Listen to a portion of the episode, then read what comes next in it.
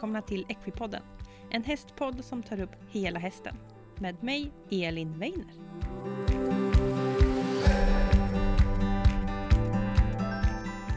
Hej och välkomna till det första avsnittet 2020 av Equipodden. Tänk att podden nu har varit igång i ett helt år och nu så står vi inför ett helt nytt år. Som ni kanske hörde i introt här så är det bara jag, Elin Weiner, kvar i podden. Anna har behövt ta lite längre paus och vi får se hur allting blir i framtiden. Men jag kör på och eh, jag planerar att driva podden med mängder med gäster. Det är rätt många gäster redan inbokade och eh, det är en del avsnitt som redan är inspelade. Så jag hoppas att ni ska tycka att det här är jätteintressant. En till liten nyhet som jag vill säga det är att eh, ny poddutrustning har kommit och jag sitter just nu under ett täcke och spelar in det här introt med en, eh, vad jag tycker är en väldigt bra mikrofon. Så jag hoppas att ljudet framöver ska bli bättre. Dock ska jag säga att dagens avsnitt och nästa veckas avsnitt är inte inspelade med den här utrustningen för den hade inte hunnit komma när jag spelade in de två avsnitten. Men framåt från och med de här två första nu då så ska det vara perfekt grymt ljud. Jag vill passa på att tacka alla 2019 för att ni lyssnat och jag hoppas att ni ska hänga med mig här i 2020. Jag ska ha ett litet tema den här våren med att tänka på mental träning. Jag tror att det är väldigt viktigt att arbeta mentalt och vi är vad vi tänker. Lite det temat har redan funnits i podden men jag tänkte att vi den här våren ännu mer ska jobba med oss själva och ha egen personlig utveckling. Jag hoppas att ni vill hänga med på det. Gå gärna in och följ podden på sociala medier. Finns ju på Instagram och Facebook. Där heter Equipodden. Det går jättebra att mejla till oss på info.equipodden.se. Och det finns en liten nyhet till. Eh, I december så släpptes första avsnittet av Equipodden på Youtube. Där finns alltså ett avsnitt sedan tidigare med lastträning. Då var det Anna Stewart som visade lastträning. Och till det här avsnittet som släpps idag, som du lyssnar på just nu, så finns det också ett Youtube-avsnitt. I veckans avsnitt så möter vi Anna Treskov som är advokat och hon är specialinriktad på just hästfrågor och hästjuridik. Hon har skrivit en bok i det här som heter Hästjuridik vardagen och är otroligt duktig och hjälper hästmänniskor i hela Sverige för när det blir problem och olika saker i hästvärlden. I det här avsnittet pratar vi jättemycket om att köpa häst, att sälja häst, vad ska man tänka på, avtal, vad ska man skriva in och inte, vad ska man se upp för. Vi pratar också om fodervärd och vad man ska tänka på om man hyr ut en häst på foder eller om man har en häst själv. Vad ska jag göra om jag inte får kontakt med ägaren eller ifall den jag hyrde ut hästen hos inte sköter hästen som det är avtalat att vi ska göra? Vi fick in, eller jag fick in en del lyssnarfrågor också inför det här för jag la ut på sociala medier och eh, de är inbakade i det här men även någon fråga i slutet tar vi också med. Går man sen när ni har lyssnat på det här så ska ni gå in på Youtube. Glöm inte prenumerera på Equipodden. Där finns ett avsnitt med Frida Treskov och då pratar vi om att vara medryttare. Vad ska man tänka på när man är medryttare och vad är det viktigt att avtala om? För det är inte så kul när det blir fel. Så in och lyssna. Så jag hoppas att det här avsnittet ska bli jättevärdefullt och att det ska ge många insikter till många. Det gav mig mycket insikter och att det här med avtal ändå är ganska viktigt. Så jag hoppas ni ska tycka om det här. Här kör vi igång veckans avsnitt.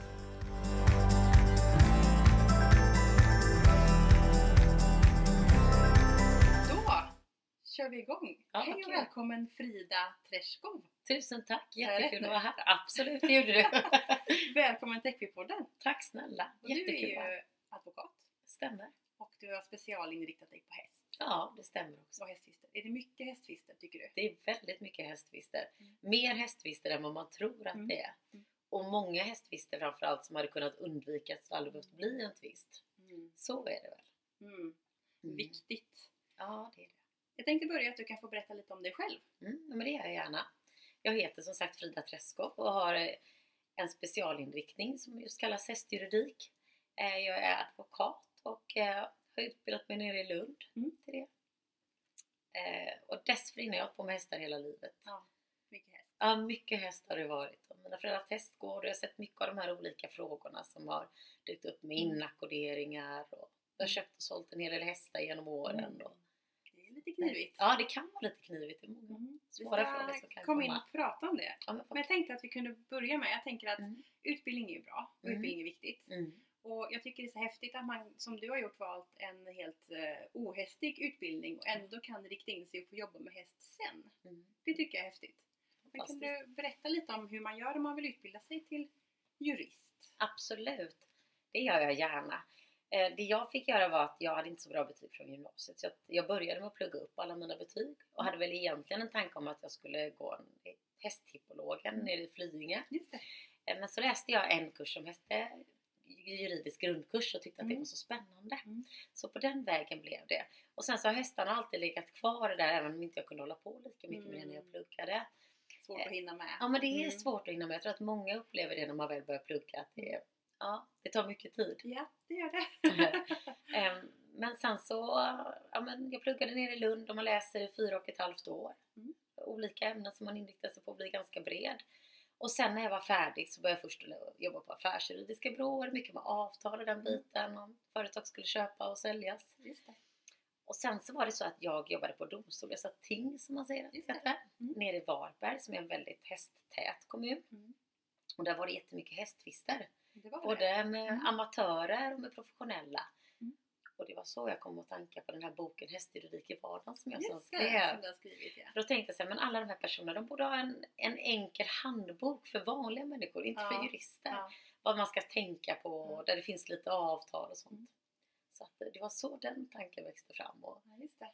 Sen startade jag eget 2017 och det var nästan i samband med att jag släppte den här boken och Mm. då såg jag vilket jättebehov det fanns på marknaden eftersom Ja men dels hade jag fortfarande kvar en fot i hästbranschen och hade Mm. mycket kontakter. Så många ringde och sa nu har det här hänt och, eller nu ska jag samäga en häst med någon, vad ska vi tänka på då? Ja, ja. Så på den vägen är det. Och, så nu de senaste åren har jag jobbat oerhört mycket med den här typen av frågor och ute och föreläser om detta och är engagerad.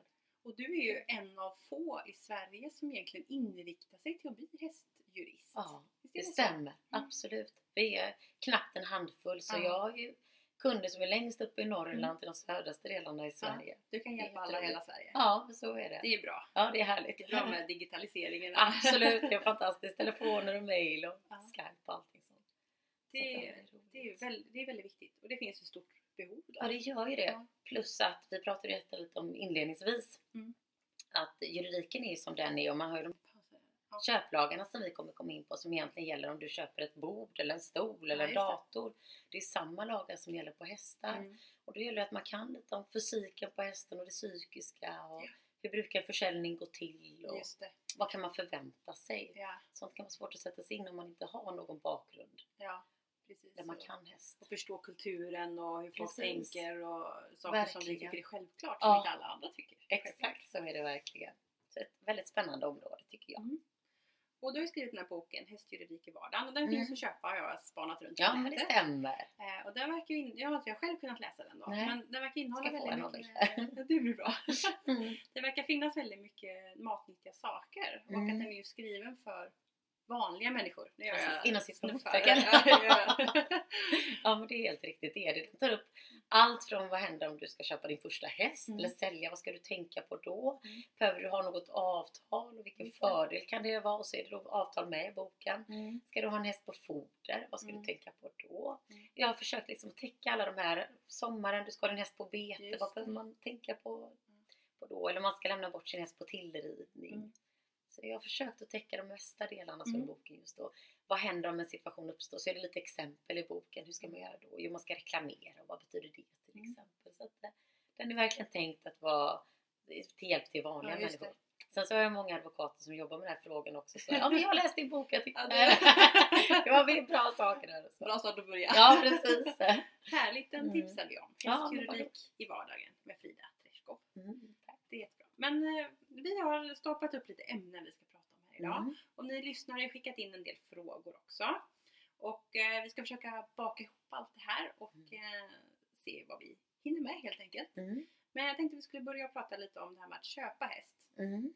Det är kanske det, det vanligaste man tänker på med hästjuridik. Mm. Det är en stor affär, det kan bli dyrt och det är svårt. Och mycket känslor ska man inte glömma heller. Mycket känslor. Mm. Oj oj oj. Oj, oj, oj.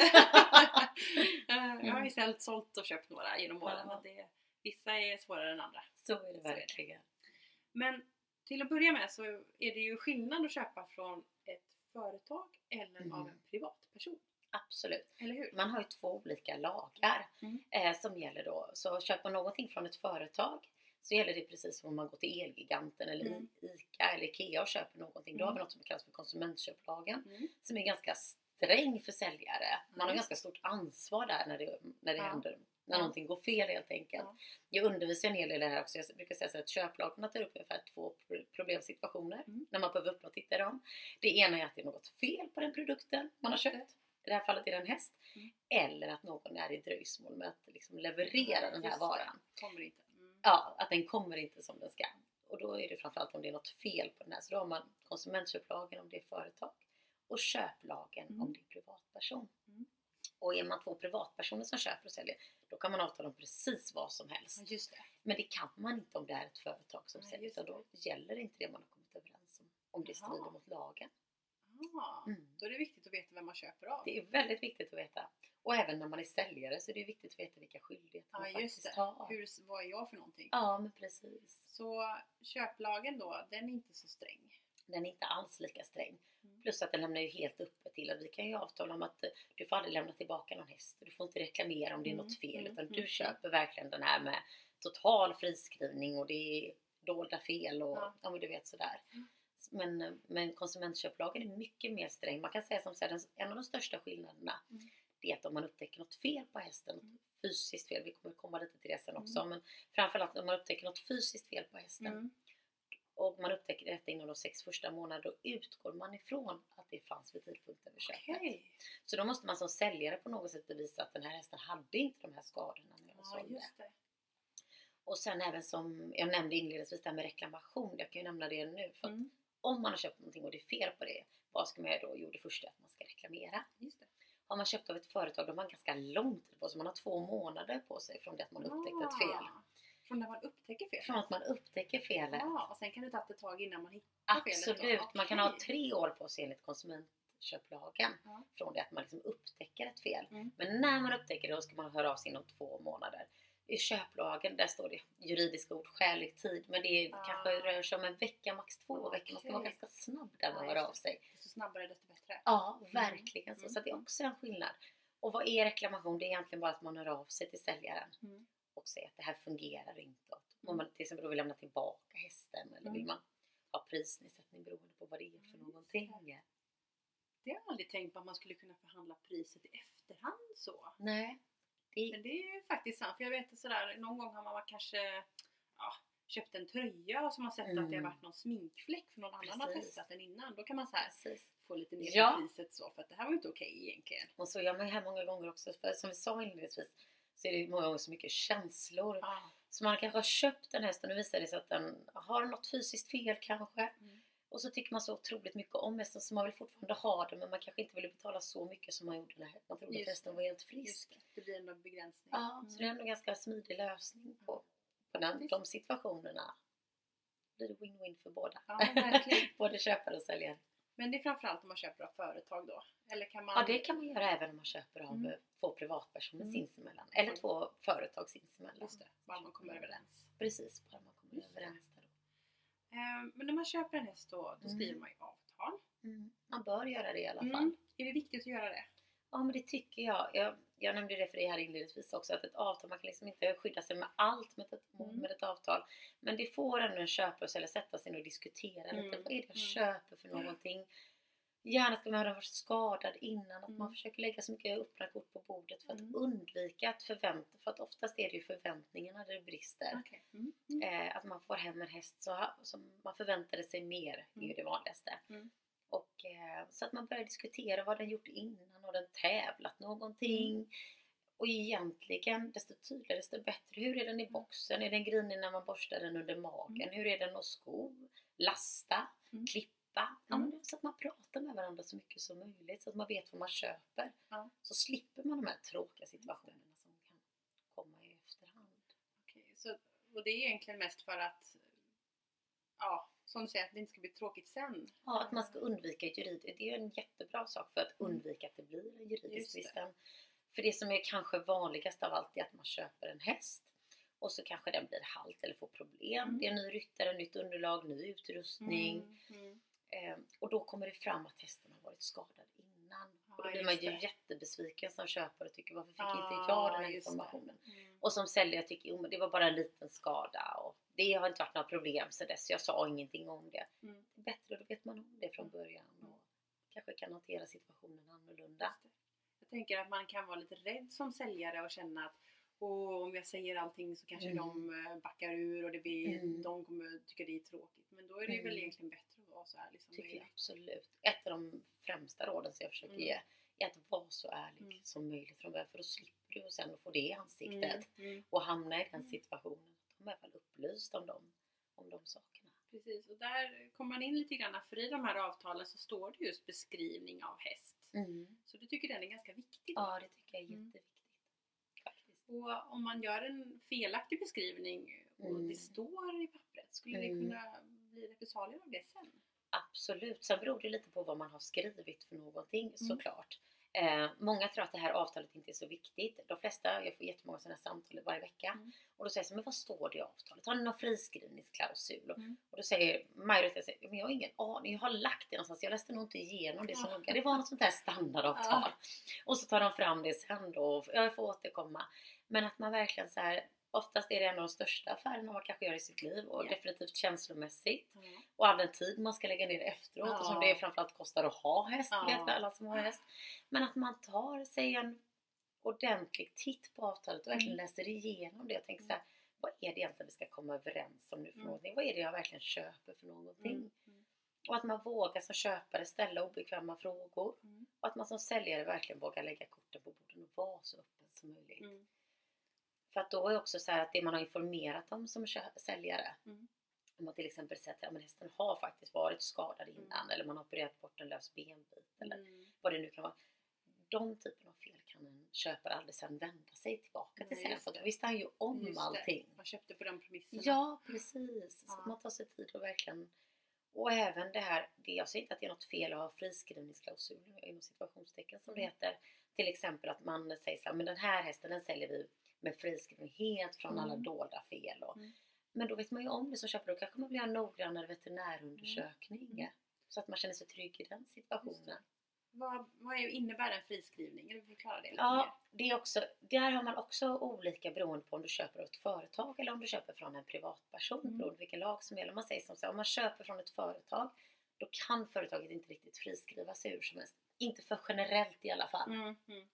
Man kan absolut som företag säga så här, men jag friskriver mig från kissing spines och lösa benbitar. Det är de vanligaste friskrivningarna. Mm. Men det är svårare att säga så här, men den såldes i befintligt skick så Ja, nu var den så här dålig. Mm. Men ser man däremot att det är en privatperson som har sålt Mm.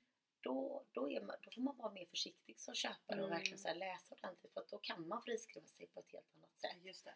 Och friskriva det innebär ju egentligen så att står det så att hästen är såld med friskrivning för alla synliga och dolda fel Ja. då kan man inte ta upp telefonen sen och ringa säljaren och reklamera då. Nej. Oavsett vilken typ av fel det är egentligen. sen, ja. Nej, Ja, just det. så det är viktigt att ha koll på Den det. är, kan vara klippt. Den kan Den vara är-.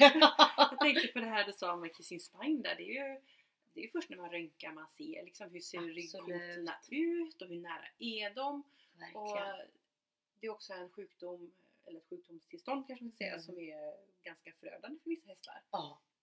Precis som det ser på vissa hästar och vissa hästar kan funka hur bra som helst precis. med det. Med rätt ridning och sånt där. Så den är lurig. Ja. Men om det nu då är en säljare som vill ha med det här att jag friskriver mig från kissing spines. Man kanske vet om att hästen har det eller man Mm. misstänker det. Mm. Många av de hästarna beter sig lite på samma sätt om de har problem. Ja.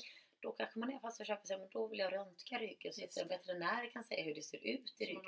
Ja. Mm. För Mm. det kanske är att de ligger lite tätt eller så ligger de inte alls tätt. Mm. Så att man inte köper grisen i säck Just utan att det. man gör ett ordentligt eh, Mm. utredningsarbete först. Kan man bifoga det sen då i avtalet? Absolut, det kan man Mm. göra.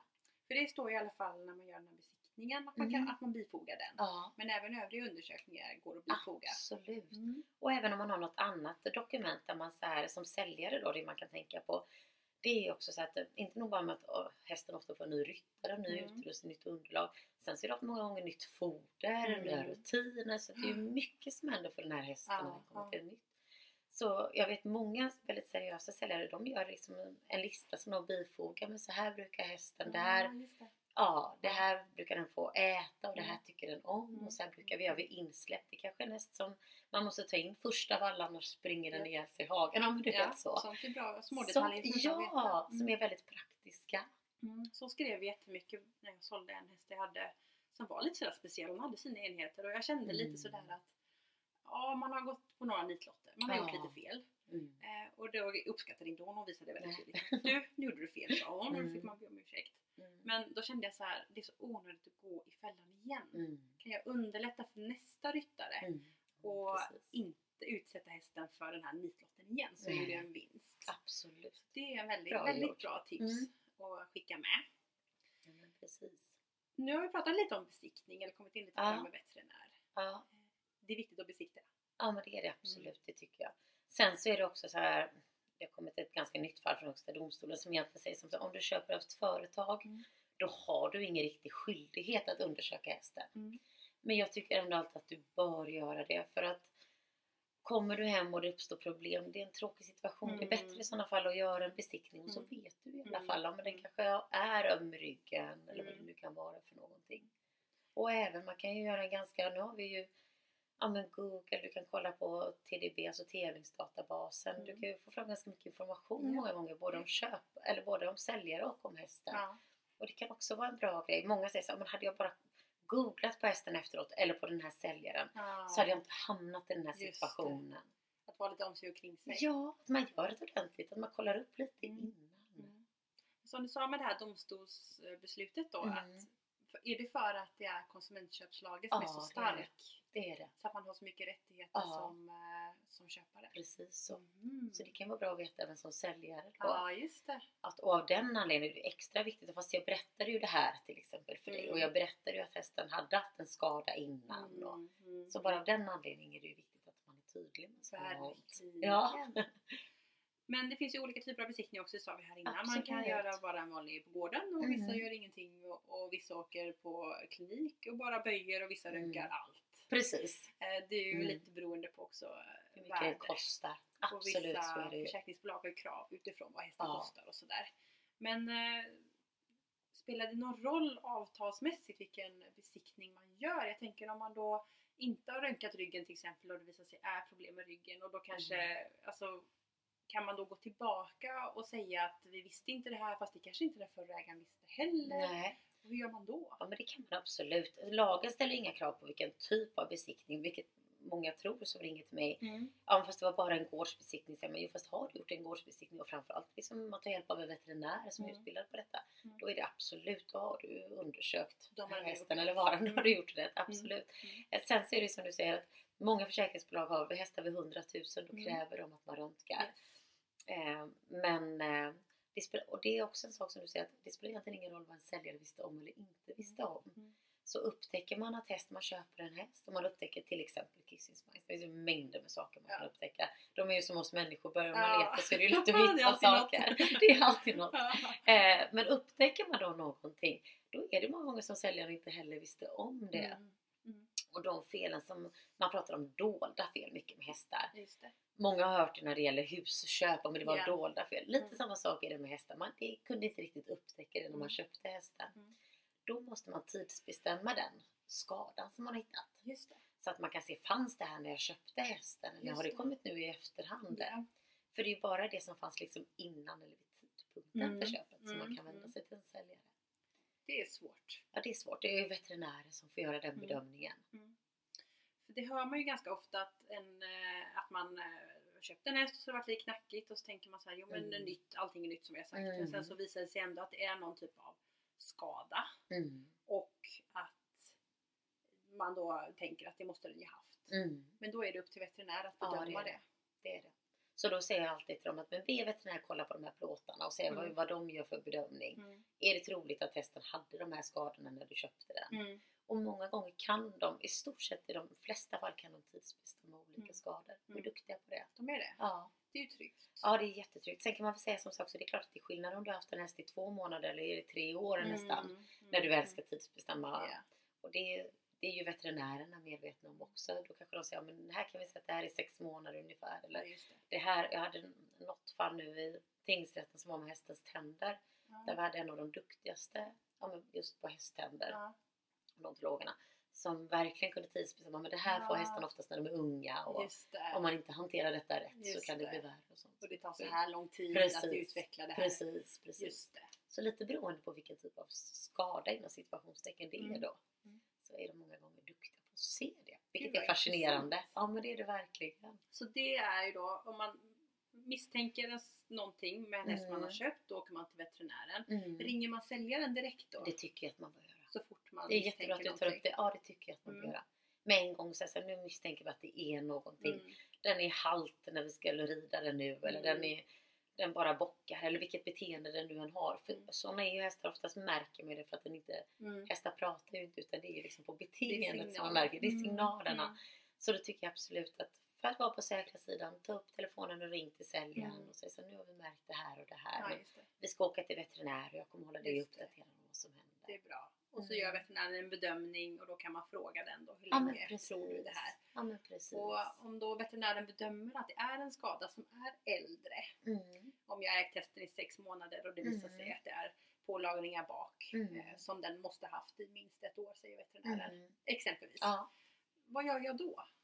ja men det du juridiskt har rätt till om man säger så. Typexempel nu om vi bara Mm. Vi kollar inte vad som står i avtalet Nej. eller vad man har sett. Men om man bara säger generellt oavsett om det är konsumentköplagen eller köplagen. Mm. Om det är ett fel som har funnits eh, vid tidpunkten vid köpet, att man kan visa det, åldersbestämma den och det är dolt, man kunde inte upptäcka den. Mm. Då är ju det någonting som en säljare är ansvarig för. Ja.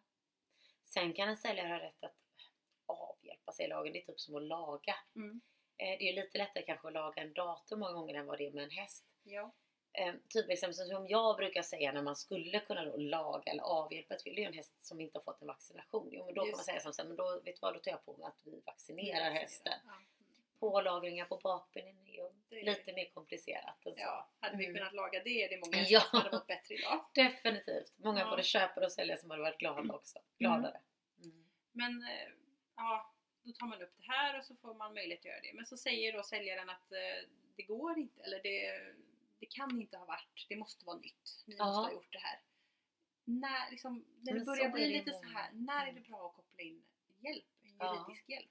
Jag brukar rekommendera de flesta att göra det så fort som möjligt. Mm. Eh, Jag har i alla fall det. Jag vågar inte svara på vad de andra har, men att man alltid kan ringa mig för gratis rådgivning som ett första samtal. bra.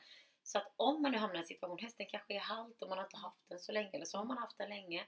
Att man bara ringer och frågar, vad bör jag göra nu? Vad bör jag tänka på? Mm. Där har jag gett områden som jag säger här idag. Att ring en veterinär och Mm. ring säljaren och informera. Mm. Och så får ni kolla, vad är, är det någon skada överhuvudtaget? Eller är det Mm. bara ny ryttare? Mm. Pilotfel kanske? Ja. Som det ibland är en häst som testar jättemycket, att det är därför. Ehm, Men just att det är mycket bättre så tidigt som möjligt Ja. att man kollar med en jurist vad man kan göra. Få lite hjälp Ja, få lite råd på vägen Ja. man kan gå vidare. Och om man går vidare då, då, det, då kopplas ni in. Och vad gör ni då? Om, om man då Ja. känner att det blir en tvist. Ja, mitt första råd är alltid hör av dig till säljaren och se om ni kan lösa det. Kanske att eh, ni kan komma överens om att du får en prisnedsättning Mm. om det är det du vill. Mm. Många som har fått sin första ponny till exempel, de är jättekära i den här ponnyn och vill absolut Ja, inte visst. lämna tillbaka den. Eh, men kanske föräldrarna tycker att vi har betalat så mycket och det här var inte liksom, här Mm. köpte vi grisen i säcken. Och så kostar veterinären så här mycket. Precis, Mm. precis. Då kanske man gör en lösning att man får prisnedsättning, att man får tillbaka en pri- Mm. klumpsumma av köpeskillingen, det man har betalat. Mm. Och så även kanske veterinärens kostnader. Så jag blir så här, ring säljaren först och se. Och i de absolut flesta fallen där brukar ju köpare och säljare Mm. Överenskommelse. Man vill ju det bästa. Ja, man vill ju det Mm. bästa. Och det bästa är ju oftast om köpare och säljare kan lösa det själva. Inte att en advokat ringer det första som händer. Nej, precis. Eh, Men när det inte går, om vi då säger att det är en köpare som ringer till exempel. Mm. Det vi gör då är, jag nämnde det för dig innan också, att det man, som kan vara bra att känna till, och det här gäller inte bara om man har köpt en häst där det blir problem, utan man har någonting i sin hemförsäkring som kallas för rättsskydd. Mm. Så om det uppstår ett, en tvist, som man kallar det, liksom en konflikt, man är Mm. inte överens, då är det vanligt att försäkringsbolaget går in, eller det gör de, Mm. eh, och så ersätter de upp till 80% Mm. av de juridiska kostnaderna, vilket innebär att man kan få juridisk hjälp och någon Mm. som går igenom och kollar och Mm. gör en skrivelse till säljaren till exempel. Det. utan att man behöver betala så mycket för det. Det är bra. Det är väldigt, väldigt bra. Bra tips. Ja, det är det. Det vet nog inte så många om. Nej, det tror inte jag heller. Nej, så att, och det gör man ju då och då skriver man ett brev till säljaren där man förklarar att nu har man upptäckt det här och veterinären har sett att det här är gamla skador. Det. Eller vad det nu är man har kommit på. Mm.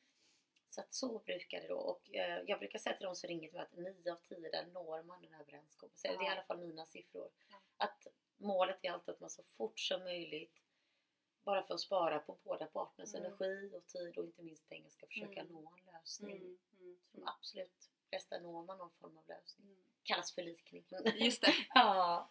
Jag kollat på Suits. ja, men precis. det gör de hela det är den alla kollar på. Där är mycket förlikningar. Ja, Ja, det är det- samma sak i den här världen. Just. Mm. Men i värsta fall kan det gå till tingsrätt och då är det en domare som bedömer. Ja, så är det ju. Om man inte kommer överens där. Mm. Man har ett första möte där också. Som är ganska informellt brukar Mm. jag säga. Så upplever jag det i alla fall som kallas för muntlig förberedelse. Mm. Och där hjälper en domare till att säga men kan ni verkligen inte komma överens? Kan inte du tänka dig att betala lite i alla fall som Ja, säljare och du som köpare kanske kan nöja dig med lite mindre pengar. Nu känns det lite sådär, fick jag sådär känsla av att sitta i sandlådan och kan inte vi dela med lite av den Ja. gröna här? Lite Ja. så. Ja men så är det. Så att ibland så är det jurister med också. Mm. Eh, Men oftast är det en domare har, har en Mm. stor roll där och ser så här, Mm. ska vi inte se om vi kan lösa detta. det. Så där är ytterligare en domare gav mig några siffror att 8, 9, 10 8, 9 av 10 Just där kommer överens och tycker så här, ja, men då, då gör vi en förlikning. Annars går det till huvudförhandling som det heter och då bestämmer domaren vad som ska gälla. då är det Mm. riktigt läge. Ja, så är det. Mm. Där vill man ju helst undvika att. Ja, det känns inte så kul att hamna där. Nej. Det känns inte. Även om även jag har ju klienter som det går bra för och det är ju men även om man vinner så är det ju alltid en anspänning och det tar och så tid och mycket allt energi och pengar. Absolut. Helt i onödan. Ja, helt onödigt. Absolut, jag håller med dig. Så att gör man ett ordentligt arbete från början, man besiktar hästen, man kollar upp kanske säljare och googlar häst och kollar på bloggar Mm. och så skriver man ett avtal. Och skriver så tydligt som möjligt. Ja, då kan man oftast undvika alla de här Ja. tvisterna. Då, öppenhet. ja, Ja. Absolut. Väldigt bra Transparens. tips. Ja. Ja, precis. Mm. Eh, och det är ganska enkelt nu, då har vi pratat om man har en skada. Man Mm. kan få hjälp av veterinär och en veterinär är ju alltid, de är utbildade och det, Mm. deras ord väger såklart tungt. Mm. Men om det bara skulle vara ett beteende. Mm. Säg att eh, ägaren eller säljaren säger att det är världens snällaste, vi tar ponny då. Ja. Den är så snäll och det gick jättebra på framridningen och allting har gått så himla bra och de Mm. man har hoppat lite och det funkar jättebra. Men sen börjar den ju stegra Mm. eller bocka eller kasta Inte av. helt ovanligt. Nej. Nej. Och det är, in, man, det är inga fysiska fel. Nej. Det är en väldigt bra fråga. Är det jättesvårt då? Eh, som huvudregel, ja. Så kan man väl säga. Att för att pilotfel kan man liksom aldrig lämna tillbaka en häst för. Mm. Så det kan ju vara en häst som har varit jättesnäll med sin Mm. tidigare ryttare. Mm. Och så med den nya ryttaren så börjar den testa den märker här är någon Mm. som är lite mer oerfaren. Här kan jag ta Mm. över. Så att om det, om det bara är pilotfel, om, en, om man säger så ryttarfel då. Mm. Då är det väldigt svårt att lämna tillbaka en häst på den grunden. För många vill ju lämna tillbaka. När det uppstår ett fel på hästen så vill man lämna tillbaka den och så vill man köpa en snäll häst. Eh, men det, det finns ju en annan situation och det är ju när det kommer fram att en säljare säger precis som du säger, det har stått i annonsen. Mm. Det är någonting jag kan, faktiskt vill nämna här med en gång för många gånger tänker man inte på det när man skriver en annons. Mm. Utan som säljare kanske man har en häst och det är egentligen inte världens snällaste häst men man skriver ändå att ja, men den är en riktigt snäll barnhäst och Mm. Kan och testa lite Ja, ibland. kan testa lite Ja. ibland men man skriver inte alls hur hemskt den här hästen är för då tänker man då kommer ingen vilja köpa den här Nej, just hästen. det, just det. Att det blir en slags, eh, en slags garanti eller en slags utfästelse Mm. som är en del av avtalet. Så det är jätteviktigt att man är ärlig även i annonsen. Tänker man ju inte alls på. Nej, det gör inte många säljare utan man skriver ihop någonting. Man kan kolla på någon annan liknande annons och tycker att det är lätt bra, det skriver jag här Mm. också. Mm. Men att man verkligen redan i det skedet är noga, vad skriver jag i Just annonsen? Eh, så att det, det jag tänkte komma med det här beteendet då för att fånga upp det och avsluta det. Om det kommer fram att en säljare har ljugit, det får man ju inte göra som säljare. Nej. Att den här hästen som man då säger så här, den är världens snällaste barnhäst. Jag hade någon som skrev en skogsmullehäst som du kan plocka kantareller med. Och sen så hittar man kanske bloggar eller man känner Ah. folk som har stått, stått i samma stall som den här Ja. eller folk som har tävlat med hästen. Och så har det visat sig vara världens hemskaste häst. Ja, just det. Sånt får man ju inte säga som säljare utan då är det ju ett fel fast liksom avtalsmässigt mer. Ja, att man har lovat saker som inte alls stämde. Och då är det viktigt med beskrivningen där också. Då. Absolut, det är antar ifall jätteviktigt. säljaren då har skrivit jättesnäll ponny Mm. Och sen så visar det sig att den inte är det då och kan bevisa det. Precis. Då är det ju Ja, då är ju det ett Ja, fel det rent juridiskt. Mm. Ja. vad intressant. Ja, Det, det jag. var ett grymt bra tips att, att googla lite för i dagens samhälle när det är så mycket Ja. sociala medier, eh, tävlingsdatabasen. Verkligen. Då kan man ju tänka så här, "Åh, har ponnyn vägrat ut sig i fem av sex tävlingar? Ja men då Precis. kanske man ändå ska fundera Precis, lite. precis, precis. Mm. Ja. Intressant. Ja. Eh, Jag tänkte vi skulle smyga över och prata lite mer. Vi har ju pratat en del om säljaren, Mm. säljarens eh, skyldigheter och rättigheter. Ja. Men eh, jag tänker i vissa fall känns ju säljaren väldigt utsatt här. Mm. Men det är en säljare om man ska säga det rent generellt. Mm. Nu har man ju pratat jättemycket om att man ska skaffa, eller skaffa, det är ju lagstiftas då, Mm. om köplagar som har med djur att göra. Mm. För att egentligen så är det ju väldigt speciellt att de lagarna man sen går in som gäller i domstol och som vi jurister jobbar med. Mm. Men de gäller ju på ett bord eller en Ja, stol och här är det en, nej, här är levande varelse Ja. som det har att göra med.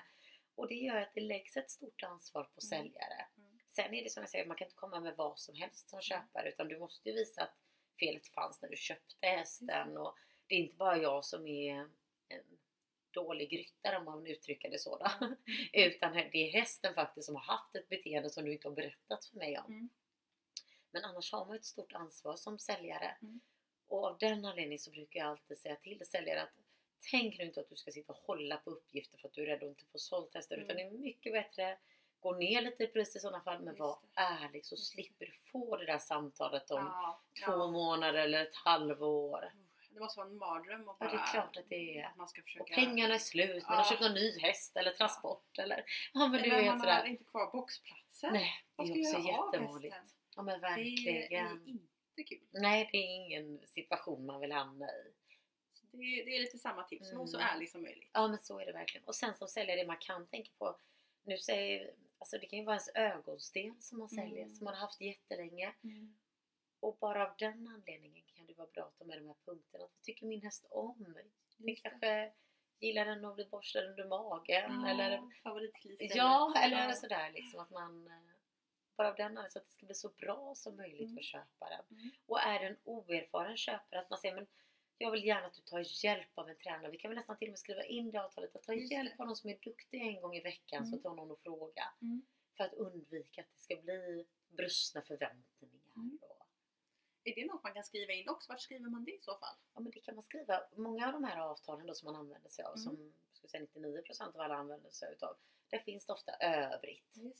Och där kan man då skriva att ja, men vi kommer överens om att du ska ta hjälp av en tränare eller någon som är mer Mm. erfaren Mm, en gång i mm. veckan till exempel. Det är också ett smart tips. För då kan man också skydda sig lite mer som säljare om man skulle få det där samtalet att det Ja. funkar inte eller den bara sparkar bakut eller den sticker. Ja, men har du tagit hjälp som vi sa du har Just haft någon som har kommit och hjälpt det. dig? Så har man inte haft det, då har man lite, Ja, lite kött på benen. absolut. Ah, bra tips. Har du något Ja. mer tips till säljaren?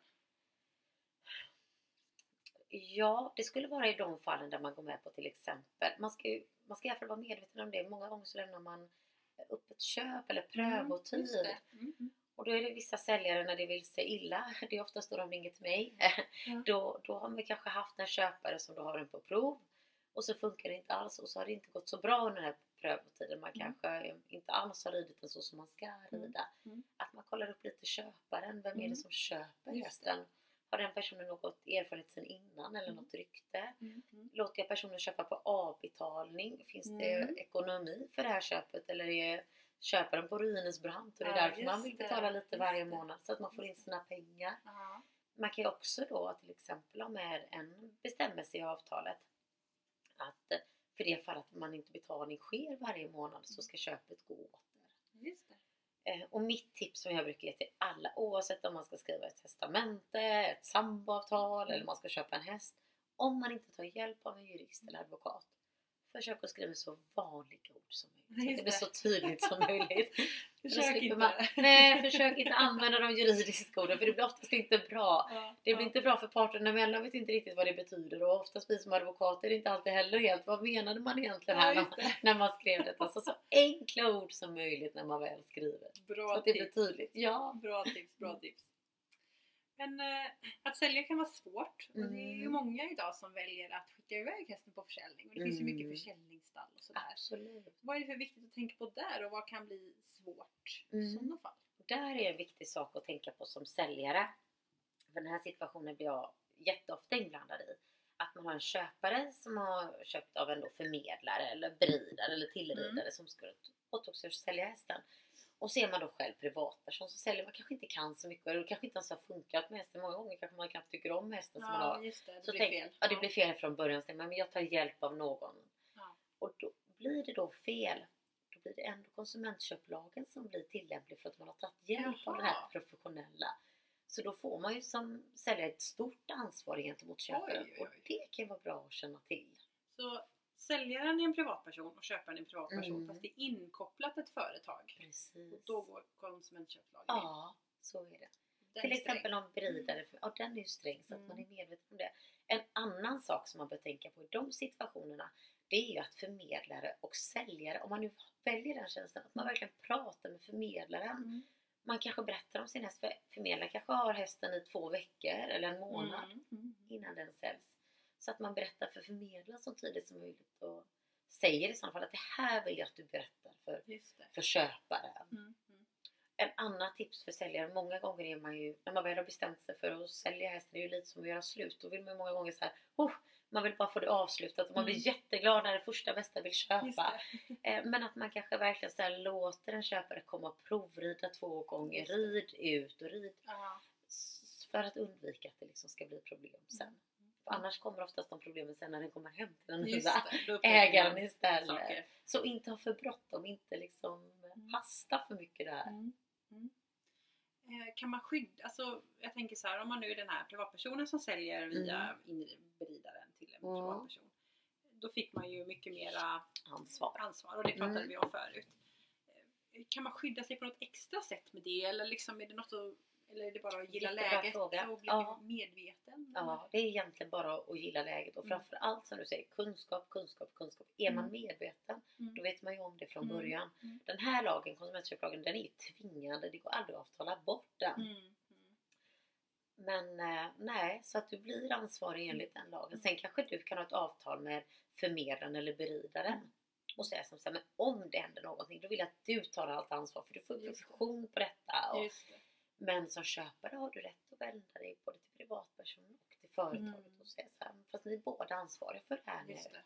Jag vill ha tillbaka mina pengar eller Mm. vad det nu kan vara. Det är bra att veta. Ja, det är faktiskt bra att veta. Det är såklart bra, alltså, för jag säljer och då är det bra att jag känner att den jag lämnar hos Stockholm på de här sakerna. Jätteviktigt. Och även det här med förtroende. Det är Mm. kanske extra viktigt. Jag menar, om man köper ett äpple eller går i en butik och köper någon liten mjölk, då behöver man inte ha så mycket förtroende Mm. för säljaren. Mm. Mm. Det går ganska fort, men jag menar, här är det mycket känslor som är inblandade i. Så att även den beridaren eller förmedlaren som du väljer, att du kollar upp den personen också som säljare. Att Är det här, bra. ja, är det en person som har sålt mycket hästar? Har ni haft problem tidigare? Mm. Hur ser annonsen ut? Jag Mm. kanske ska dubbelkolla att det stämmer det som står i annonsen. Det. Så sånt kan vara viktigt. Bra. Jag kanske är med på besiktningen när, veterinär, när hästen ska besiktas hos veterinär som Mm. säljare. Mm. Man försöker att vara liksom aktiv och engagerad i det hela. Och inte bara släppa det. Nej, som många vill. Ja. Känns såhär, åh vad skönt när någon annan som tar hand om allt. Utan att man ändå så försöker att vara med i det sista. Viktigt, viktigt. Ja. Och nu pratar vi lite om det här också då, men det finns ju många som eh, kanske köper en unghäst Mm. och så vill man hjälp med inridning. Mm. Så lämnar man iväg Eller om man Mm. har en häst man kanske vill vidareutbilda Mm. och så lämnar man iväg det. Mm. Är det viktigt att skriva avtal då också? Ja men det tycker jag absolut att det är. Mycket också, hur länge ska avtalet gälla? Mm. Eh, är tanken, vad är tanken? Eller vad är Mm. syftet med den här? Mm. Ska den inridas eller ridas till? Vad händer om hästen blir skadad? Vem ska stå för de olika kostnaderna som kan Just det. uppstå? Så mycket sånt är viktigt. Och är det finare hästar, som, eller finare inom situationstecken, men Mm. om det är ja, men dyrare hästar eller mer välutbildade hästar som kanske Mm. ska ut och tävla mycket och som är på en högre Mm. nivå. Vad ska hända med prispengar? Ska jag som hästägare få komma och vara med på tävlingar? Mm. Och, Mycket att tänka på. ja, det är mycket att tänka mycket att på. Och även då som förmedlare kan det vara bra så här, ja, men du som säljare, du måste ha häst, eller förlåt, du som hästägare, Mm. du måste ha hästen försäkrad. Du måste Mm. veta liksom att Mm. händer det någonting så, Så finns det så finns det försäkring. Mm. Och då täcker den in även när den är hos en beridare. Ja, och det kan man ju kolla med sitt försäkringsbolag Mm. också. Sånt är ju jätteviktigt i de här situationerna. Att täcker verkligen försäkringen de här olika situationerna? Ja. För det hästar kan ju dels skada sig själva och sen så kan det ju faktiskt skada andra saker. absolut. Jag var med om en som sparkade till en eh, ganska dyr bil. Mm. Den var ju inte så rolig. Den är inte jätterolig. Så att, eh, ja. Och även då att om man då jobbar som beridare att man kollar vad ingår i, har jag någon försäkring, vilket du bör ha. Mm. Eh, men har och vad täcker den i sådana Mm. fall? Vilka situationer täcker den? Så att man vet det också. Just det. Mm. Det är viktigt att hålla koll på. Ja. Eh, jag har varit med om, eller jag har hört eller läst att eh, man lämnade iväg hästen på inridning och så skulle Mm. den vara där så avtalade man tid och man skrev Mm. upp ett ganska bra kontrakt. Och sen så visade det sig väl att de hade longerat hästen en två Mm. gånger i veckan och egentligen inte gjort så mycket med Mm. den. Och det är jättesvårt att kontrollera såklart. Mm. Men eh, är det viktigt att skriva in sånt också i avtalet? Och Absolut. om man nu kommer på dem med att inte jobba Mm. med hästen som man vill, vad gör man Mm. då? Men det är precis som du säger, man bör ju skriva in i avtalet. Hur ofta ska hästen ridas? Och ja, men gärna så tydligt som möjligt Mm. för då vet också båda parterna vad man kan förvänta sig. Mm. Och gör någon då av de här parterna, beridaren i det här fallet, inte det man har kommit överens om. Mm. Ja men då är det ett avtalsbrott Mm. som gör att man kan liksom häva avtalet, man kan Mm. avbryta det här samarbetet. Men det bör man också skriva i Mm. avtalet att liksom om, om någon av parterna bryter mot avtalet så, så ska liksom avtalet upphöra. Mm. Det kan ju vara att det är en hästägare som inte betalar för sig. Att man sitter där som beridare så får man inte in pengar och så har man en häst som kostar varje månad. Ja, det. Det är ju också en mardrömssituation med sånt som ändå händer. Vad kan man göra då? Mm. Så att man reglerar det i Mm. avtalet. Sen behöver det inte alltid vara en hemsk situation. Det händer ju som du säger att en häst blir misskött. Mm. Eh, dels att den får för lite mat eller inte tränat som man har kommit överens om. Men det kan ju också vara så att hästägarens situation ändras eller blir den så att man vill kunna säga upp det här avtalet. Det. Att man då skriver in att man har en ömsesidig uppsägningstid om en månad eller Mm. tre månader. Mm. Så att man som hästägare då kanske behöver hitta någon ny boxplats. Och, Just det. ja, men att man tänker på de här praktiska sakerna Mm. runt omkring. Mycket att tänka på. Ja men det är mycket att tänka på. Så därför är det viktigt att man lägger lite tid på det här Ja, avtalet. det. Som många tycker, ja men det är så tråkigt. Jag bara skriver under och jag tar någon mall på nätet. Ja, just det. Det kan man absolut göra. Ja, men läs igenom olika punkter och tänk Mm. så här, behöver vi lägga till någonting här? Eller ska vi komma överens om någonting mer här? Och hur gör man, gör man en bilaga då? Absolut, det är jättebra. Antingen ser man en bilaga, det är, är ju rekommenderat, det är ju fantastiskt bra. Mm. Eller så skriver man, tar man en penna, bläckpenna och så Ja, skriver man till ta på till. båda avtalen. Ja, Ja, att det här kommer vi överens om ja också. det. Vi vill ha så här. Ja, vi vill ha det så här. Det är mycket som ska med. Det är jättemycket som ska Mm. med, så är det ju. Men det kan vara bra, bara för att fånga upp det lite, det kan vara bra som hästägare att man inte Förtroende är ju A och O som vi pratade om innan. Mm. Men att man gärna kanske åker och kollar till sin häst Mm. om man har den hos en beridare. Eller man Mm. kanske har någon kompis som kan åka dit och kolla till den. Nu är det ju jätteenkelt. Alla har mobiltelefon. De kanske kan spela in en film när beridaren rider. Det är ju Mm. jätteenkla saker. Ja. se, men här är framstegen. Just det. och Så här ser det ut nu. så här ser det ut nu. Och även där som beridare, att man får vara mån om sitt rykte om man ska hålla inom branschen. Så är det också. Verkligen, verkligen. Så att man tar hand om sin, det är ju kund man har Mm. där. Så att man förstår det också. Mm. Och det här är ju lite samma saker om man kommer till ett fodervärdsavtal eller Mm. fodervärdskap. Man hyr ut Mm. hästen på foder. Då är det lite samma sak där med skriva Verkligen. avtal, noggrannhet, få med så mycket som möjligt och uppsägning och Ja. Och just Så. med fodervärdsavtalet, dels är det jätteviktigt också att man ser till att hästen är försäkrad till Mm. exempel. För nu är det ju två stycken som eller liksom, antingen kan man ha en häst på foder tre dagar i veckan eller helt på foder. Men mycket så här, vad händer om hästen skadar sig? Ja. Ska man ha rätt att tillkalla veterinär om det är akut? Mm. Även om kanske hästägaren man inte får tag på hästägaren. Mm. Mm. kan ju vara bra att ha med. Mm. Vem ska stå för skolningar? Vad händer om eh, hästen ja, men förstör någonting? Vad ska Mm. gälla för utrustning? En annan vanlig sak. När man tar en häst på foder, man kanske egentligen vill köpa hästen. Mm. Men så säger hästägaren, men vet du vad, jag tycker så mycket om dig så du kan få den på foder. Ja, det. Då behöver man skriva in det att man har förköpsrätt att köpa Just hästen det. om den ska säljas. Mm. Och vilket pris ska den i sådana fall säljas för? Ja, just det. För där är ju framförallt för de här många duktiga tjejerna är det ju många gånger som tar en häst på foder Ja. och så börjar de träna den och de kanske Ah, betalar ja, Så går det jättebra. så går det jättebra och så ökar den jättemycket i värde. Så när ett år har gått eller ett halvår har gått och den har varit ute och tävlat och tränat för duktiga tränare Mm. Då säger hästägaren ja fast nu är den ju värd dubbelt så mycket pengar. Mm. Då är det tråkigt att stå där som känna fast det är ju jag som har lagt ner Just allt det här det. arbetet. Ja. Så att man kanske redan inledningsvis skriver avtalet att jag har rätt att köpa den för 65 000 eller vad det nu kan vara för någonting. Oavsett vad som händer sen. Ja, men oavsett Mm. vad som händer sen eller om det ska säljas. Mm, Liksom. sen- Ja, Det är väldigt bra att tänka på. ja, det är det För verkligen. fodervärdsavtalen är ju oftast längre då jämfört om man lämnar på beridare i Precis, en månad eller precis. två. Man säger att man tar en häst på foder i ett Ja, år. Ja, men eh, precis. veterinärer. För vi pratade lite innan vi började spela in här det här med försäkring, att, man, Mm. att det alltid är hästägaren som Mm. kan äga försäkringen. En fodervärd kan aldrig äga hästens försäkring. Nej. Eh, Är det så att man kan skriva in eller är det vanligt att man betalar någonting för hästen på foder för att det ska täcka den här försäkringskostnaden? Mm. Eller? Bra fråga. Det är jätteolika. Mm. Och det beror mycket på hur mån den här personen är som ska ha hästen på Mm. Hur mån den om att ha just den hästen. Mm. Är det en jätteduktig person som ska ha hästen på foder, ja men då kanske man vill betala lite mer som hästägare och tycka men här har jag ändå fått en möjlighet till en jätteduktig ryttare som ska rida min häst. Mm. Mm. Men så att det, och det är bra att känna till att det är helt mellan, upp bland hästägare och foder Ja, att bestämma om det här. just det. Ska det kosta något eller ska det vara gratis? Eller ska Mm. jag till och med kanske betala för att få ha den här fina hästen? Just det. Nu börjar det bli vanligare och vanligare och det är väl större i USA och det har varit mer med travhästar.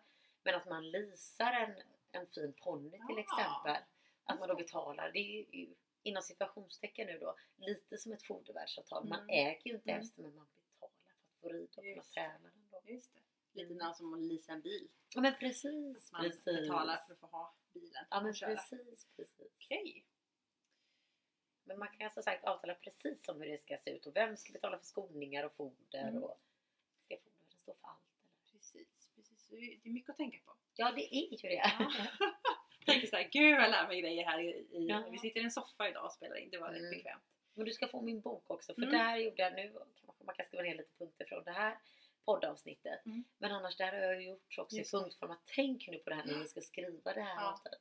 Så, Jag ska Ja. länka till det i poddbeskrivningen. Där ja, kan ni gå ner och jättebra. klicka direkt och få hem den här boken. Men man läser en del på internet med att eh, fodervärden inte sköter sig, att hästen Mm. faller ur Mm. eh, eller att eh, ägaren eh, helt enkelt bara försvinner och man skulle Mm. lämna tillbaka om en vecka fast jag inte har hört Mm. någonting. Vad gör man då? Mm. Är det då man ska kontakta en jurist? Ja Eller- det bör man göra. Mm. Absolut. Det och det inte, ja, det, om man inte har fått tag på köp eller på hästägare eller fodervärd då är mitt råd att man kontaktar en jurist Mm. och frågar sig hur ska jag göra i den här Mm. situationen? Mm. För det är inte helt enkla situationer. Nej. Just om du, det finns tillfällen då man som företag, om man då har en häst hos sig till exempel och hästägaren dyker inte upp, Mm. då finns det en möjlighet i långa loppet att man får lov att sälja hästen för att liksom Just få det. ersättning för sina kostnader. Det. Men det är ganska mycket, man får bocka av några punkter först innan man ens får överväga det. Mm. Mm. Så kan man väl säga. Och sen kan det ju vara att man då vill ha betalt. Att man kan vända sig till Kronofogden till exempel. Mm. Med ett betalningsföreläggande heter det. Så nu har jag Mm. inte fått betalt för de här pengarna som jag ligger ute med. Mm. Mm. Men eh, i de situationer som är lite kniviga tycker jag att man bör ta upp telefonen och ringa till en jurist. Så, så Mm. nu befinner jag mig här, jag får inte tag på fodervärden. Mm. Eller jag får inte tag på hästägaren. Mm. Eller ja, på hästägaren då. Just det. Och, det, och jag tänker lite sådär, eh, ibland så kan det man blir lite upprörd och det är som vi sagt här, det är mycket känslor och det man kanske det. säger eller gör saker som inte är jättebra och då kanske Mm. det är bättre att rådfråga med någon som Absolut. håller lugnet. Ja men så är det verkligen. Det är väl det enda jag ska säga som brukar vara en stor fördel ändå om man nu som köpare och säljare till exempel eller fodervärd och hästar Mm. inte kommer överens. Då har det oftast varit, det som du säger, det är otroligt mycket känslor och säljaren brukar tycka så här, men det är ju du som köpare som har gjort fel. Och köparen känner sig många gånger lurad. Så det är Mm. mycket känslor. Det blir väldigt neutralt när det kommer in en jurist eller en Mm. advokat. Som, man skalar ju bort alla känslor och så säger man bara så här och så här ligger det till. Hur Just når vi nu en lösning på detta? Ja. Det, är- det är ju tryggt. Ja, det är ju det. Men Väldigt viktigt. om man ska ge något råd även där, det är ju att försöka ta bort så mycket känslor som möjligt i alla de här situationerna. Mm. Och försöka lösa det praktiskt bara, även om det många gånger är lättare sagt än gjort. Ja. ja.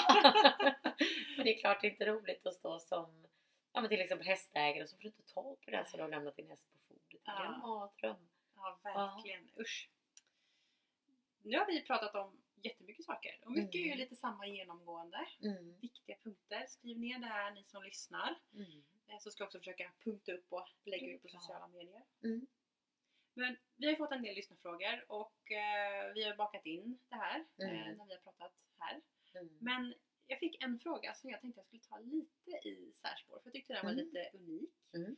Och det är en av er lyssnare som skrev att eh, hästen eh, var ställd hos en veterinär. Mm. Eller en veterinär behandlade hästen utan med ägarens medgivande. Alltså Mm. veterinären fick inte tag i ägaren eller ägaren blev inte Nej. kontaktad.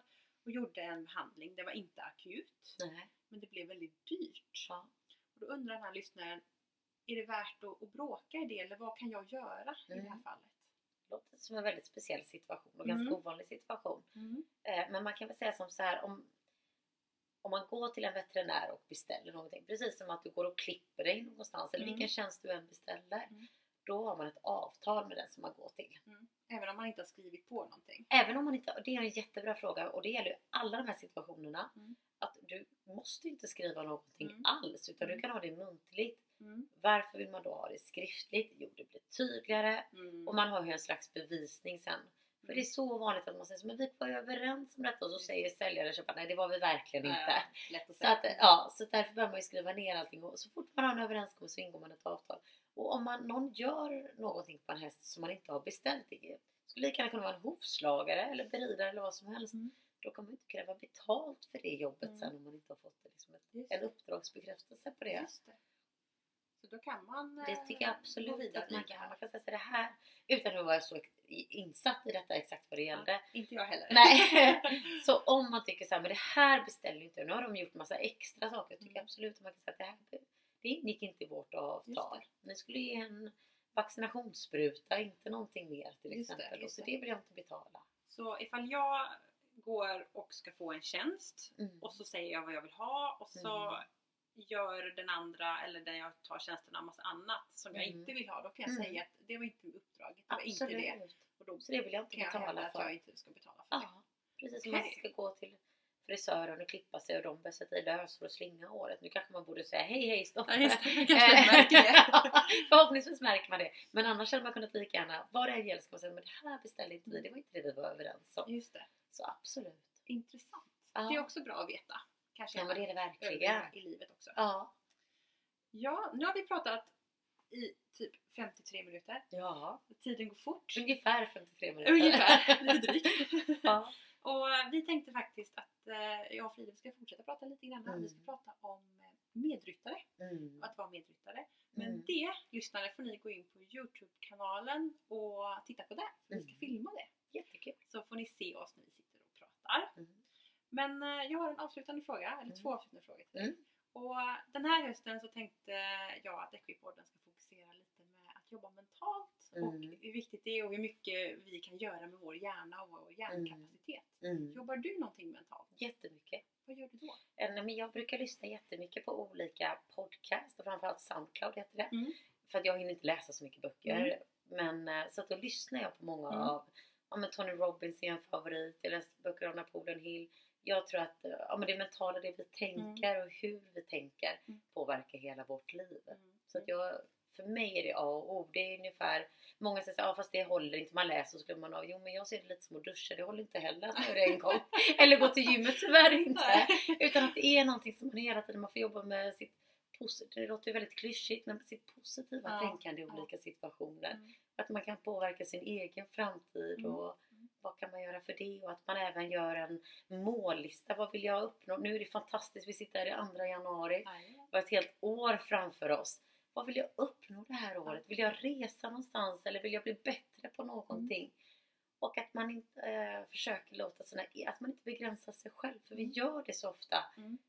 Även fast vi kanske inte ens är medvetna om att vi gör det. Mm. Mm. Man kommer från olika bakgrunder, familjeförhållanden, vänskapsförhållanden. där Man, det är lätt att man begränsar sig och tänker men det kan inte jag. Men jag brukar säga det till mina medarbetare, vi ska ha hybris, vi ska tro att vi kan allt. För vi kan så mycket mer än vad vi kan. Mm. Och många gånger är vi så mycket duktigare än vad vi tror att vi är. Men att man är såhär, ja men inte kan väl jag. Det är ju lite svenskt med. Jajamän. Men att man istället så här klappar sig på axeln och bara, jo det är klart att är det någon som kan så är det jag. Ja. Man peppar och motiverar sig själv. Mm. Planer, skriver ner olika mållistor. Ja. Och livet är ju härligt. Ja, det är härligt att. Man blir så inspirerad när jag sitter här bredvid. ja. Men så ditt tips då? läsa böcker, podcast, Ja. lyssna på andra. Sätta en mållista. Jag brukar Göra mållista. ett år, tre år och eh, femårsplaner. Att man gör det Yes. nu. Sen Mm. brukar jag göra vision boards eh, Ah. varje år. Där man sätter upp bilder för att det är lätt att man glömmer av. Då sitter man så 2 januari och så tänker man men dit vill jag resa. Och det här skulle jag vilja utbilda mig till Mm. till exempel. Eller läsa någon kurs. Eller som du, jag skulle vilja spela in en podcast. Mm. Och sen glömmer man av det, efter, eller man ska börja träna. Och så Ja. går man en vecka på gymmet och sen glömmer man av lite. Mm. Mm. Men att man gör en stor tavla och där man sitter och pluggar eller jobbar så Mm. ser man sina målbilder varje dag. Mm. Mm. Då blir det också lättare att man det är lättare att nå dem då. Just det. det är rätt populärt med vision board. Men Ja, det det är är alltså det. enkelt sagt, för ni er som inte har hört det. Det är ja, men om jag vill bli vältränad då kanske jag tar en Mm. bild på någon som är tränad och så Ja. sätter jag det. Då vill jag resa till en fin Precis. strand och så tar jag bilden och sätter det så att jag hela tiden ser Ja, målet. ja men framför precis sig. så.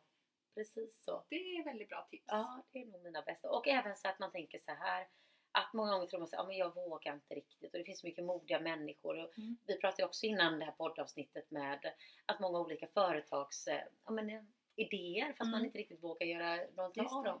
Att även om man är rädd, att det är bara att köra på. Man Ja. gör det ändå. Ja. Våga man, testa. Att våga testa. Det värsta som kan hända är att det, det gick inte men då slipper man att dö nyfiken Mm. i alla fall. Mm. Att man vågar testa nya saker. Gud Mm. bra tips. Ja, hoppas det. Ja. det är det vi- jag brukar göra. Det är. Komma vidare. Är du färdig med årets mållista? Jag ska sätta mig ner nu i början på året. Nu är det dags Ja, nu startar jag ju eget här också vid Ja. årsskiftet. Så då blir det plan, mycket planer för det Mycket egna för det. företaget också. Jag ska kunna utveckla det på rätt Mm. väg. Och det leder ju in här på den sista frågan då. Mm. Hur gör man om man kommer i kontakt med dig? Om man nu tyckte det här var intressant, om man tycker du låter fantastisk Mm. och behöver lite hjälp. Mm. Hur gör man då? Jag finns ju eh, dels i sociala medier. Dels kan man hitta mig på mitt namn, Frida Träskov. Mm. Sen så har jag även ett hästkonto där Mm. jag ger tips, juridiska tips. Mm. Olika, eh, man ska tänka på olika situationer. Mm. Och sen så har jag en hemsida som tidigare hetat hästjurist.se som jag kommer att döpa om nu. Eh, men jag tänker att jag kanske kan ge kontaktuppgifterna till dig så kanske du kan länka Ja, till dem i ditt poddavsnitt. Jag länkar i eh, poddbeskrivningen. Ja men vad Ska bra. även länka på sociala medier. Ja men vad roligt. Så blir det enkelt då. Så där blir det bra. Ja. Man kan Härligt. googla mitt namn också. Jag Ja. kommer ut ganska fort då. Jag googlade ditt namn. Det kom upp Ja, väldigt mycket. det gjorde det, va? Jag mig det. det var väldigt intressant Ja. researchen här. Men eh, Frida, tack så jättemycket. Mm, tack snälla för att jag fick komma hit. Du ville vara- komma här. Och som sagt, vi fortsätter på Youtube. Mm, jättekul. Återigen, stort, stort tack Frida för att du vill vara med och förgylla Equipodden med din ofantliga kunskap. Kolla i poddbeskrivningen, där finns det lite länkar att eh, titta på om man vill komma i kontakt med eh, Frida. Gå också in nu när du lyssnar på det här och titta på Youtube för där pratar vi om att vara medryttare och när vad som man ska tänka på om man rider på ridskola. Så glöm inte följa oss Equipodden på Instagram, på Facebook, info at equipodden.se om du vill skicka ett mail och gå in på Youtube, prenumerera och lyssna på Frida även där. Tack så jättemycket för att du lyssnar. Har du tips på ämnen att prata om eller på gäster? Tveka inte att skriv. Jag önskar er nu en fantastisk vecka.